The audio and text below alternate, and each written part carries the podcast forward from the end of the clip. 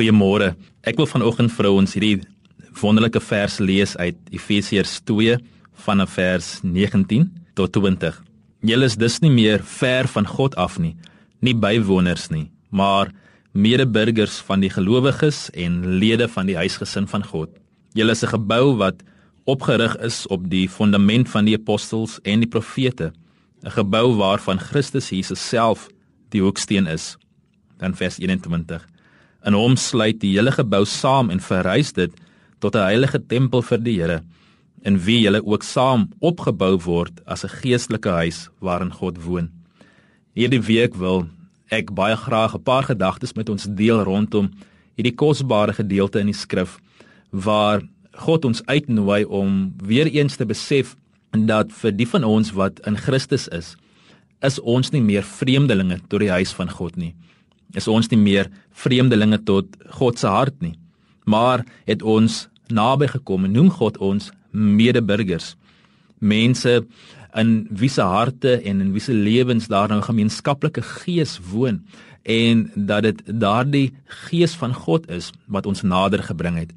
En my hartsbegeerte is dat ons vandag ook sal leef met daardie bewussyn dat Ek is nie sommer maar net 'n dobberende blaartjie wat heen en weer gewaai word deur die wind of ek is nie 'n vreemdeling of iemand wat hoef te leef asof ek nie 'n huis het nie. Dat my huis ongeag van my fisiese huis waarin ek woon, dat my huis God se hart is, dat ek daar 'n veilige tuiste het. En dit is my begeerte dat dat ons vandag waar ons ook al onsself bevind en waarheen ons ook al vandag sal gaan dat ons in sy hart sal inhardloop. Dat ons dalk soos die verlore seun sal terugkom indien ons baie lanklaas by sy hart gekuier het. Sal terug hardloop na hom en sal sê pappa ek is tuis. Ek is terug en sal weet dat hy ons selfs terwyl ons nog ver weg is tegemoet storm ons omhels en ons lewensvuur. Mag jy die die die vuurende hart van God ervaar vandag. Mag jy weet dat hy jubel en juig oor jou lewe.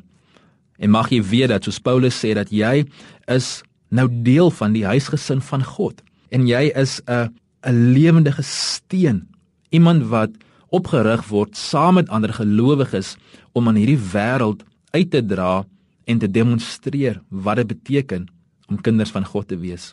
En ek wil vanaand en oor die volgende paar dae bietjie met ons gesels oor boustene.